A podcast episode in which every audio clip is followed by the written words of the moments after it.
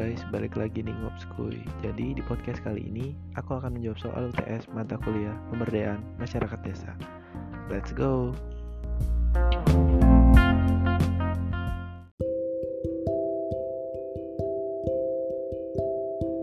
Pada soal nomor satu ada pertanyaan Yaitu Jelaskan menurut pengamatan Anda Apa minat dan kebutuhan masyarakat desa di sekitar tempat tinggal Anda?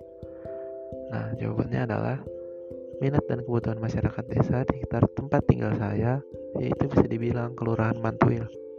Ialah wilayah yang sebagian besar masyarakatnya bekerja sebagai petani dan buruh pabrik.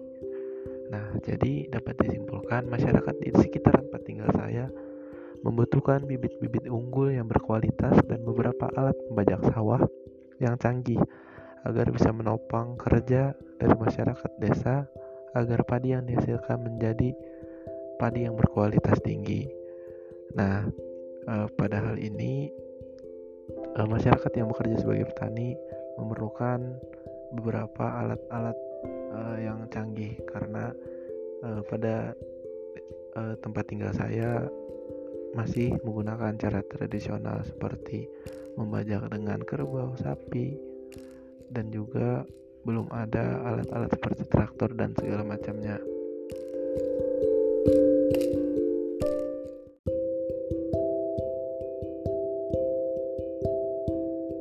Oke, kita masuk ke soal nomor 2 yaitu pada suatu desa terdapat sumber daya alam kelautan yang berpotensi menjadi objek wisata.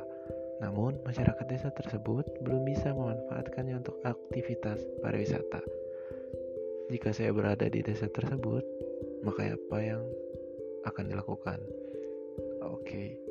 Eh, di soal nomor 2 yang akan saya lakukan ketika suatu desa memiliki sumber daya alam yang melimpah meliputi kelautan ialah mencoba memberikan saran kepada aparat desa setempat bahwa desa kita ini memiliki sumber daya alam kelautan yang sangat mumpuni. Dan juga mengajak kawan-kawan yang seusia saya untuk mencoba bersama membangun desa melalui sektor pariwisata, seperti mengelola pantai agar bisa menjadi tempat rekreasi para warga sekitar dan bahkan warga luar desa yang sedang mencari tempat berlibur.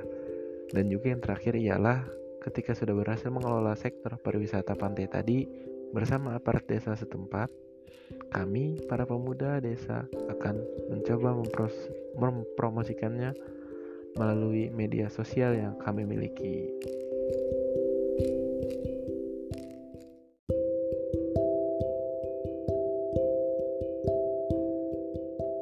Masuk ke soal nomor tiga, yaitu pada suatu desa terdapat masyarakat yang sangat beragam, berbeda agama, suku, bahasa, dan bahkan serata sosial yang kemudian pada suatu peristiwa terjadilah konflik besar yang mana antar masyarakatnya bertikai.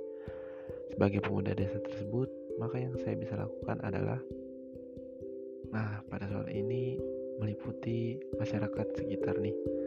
Yang saya lakukan ketika ada masyarakat desa bertikai ialah mencoba mencari tahu inti permasalahannya.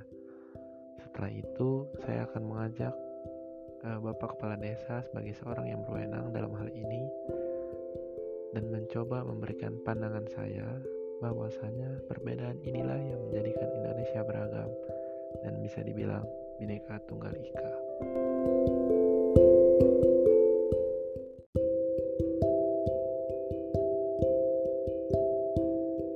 Tidak terasa kita sudah sampai pada soal yang terakhir, yaitu jika saya menjadi seorang presiden, maka saya akan membuat program-program desa sebagai berikut yang akan jelaskan di sini. Nah, yang pertama akan saya bawa program Balai Belajar Bambu. Seperti yang kita tahu bersama, anak-anak di desa, terlebihnya anak-anak uh, yang ada suatu hal dan yang lain seperti sekolah yang tidak masuk dalam pelosok desa, situ akan kita mulai dari balai, balai belajar bambu yang artinya di sini ini bukan sekolah yang yang setiap hari mereka lakukan ini hanya selingan nah maka dari itu Di situ kita menggunakan bambu. Nah, yang identik dengan desa-desa. Kemudian program yang kedua ialah desa mahasiswa. Nah, penjelasannya sedikit di sini ialah uh, setiap mahasiswa yang sudah mau lulus harus memiliki satu desa binaan. Nah, di situ nanti ada sekumpulan kelompok mahasiswa yang membina desa tersebut sesuai fokus pada bidang kuliahnya. Kemudian yang ketiga ada namanya desa panel surya.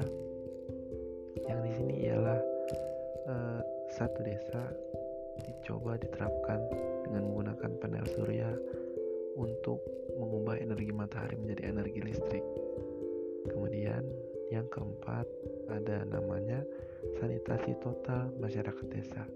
Nah ini bertujuan untuk uh, seluruh masyarakat desa lebih terjamin kesehatannya.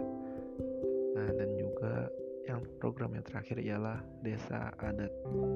Nah walaupun sudah cukup banyak desa adat yang ada di seluruh Indonesia, saya ingin menanamkan kembali kepada seluruh lapisan masyarakat desa bahwa adat istiadat yang dimiliki Indonesia tidak boleh punah diterjang oleh zaman. Nah, maka dari itu saya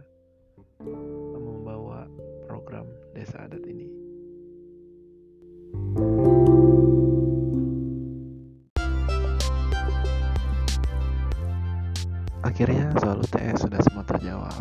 Sampai jumpa di episode Ngopsui selanjutnya. Jangan lupa tetap pakai masker dan stay safe and stay healthy. Bye bye.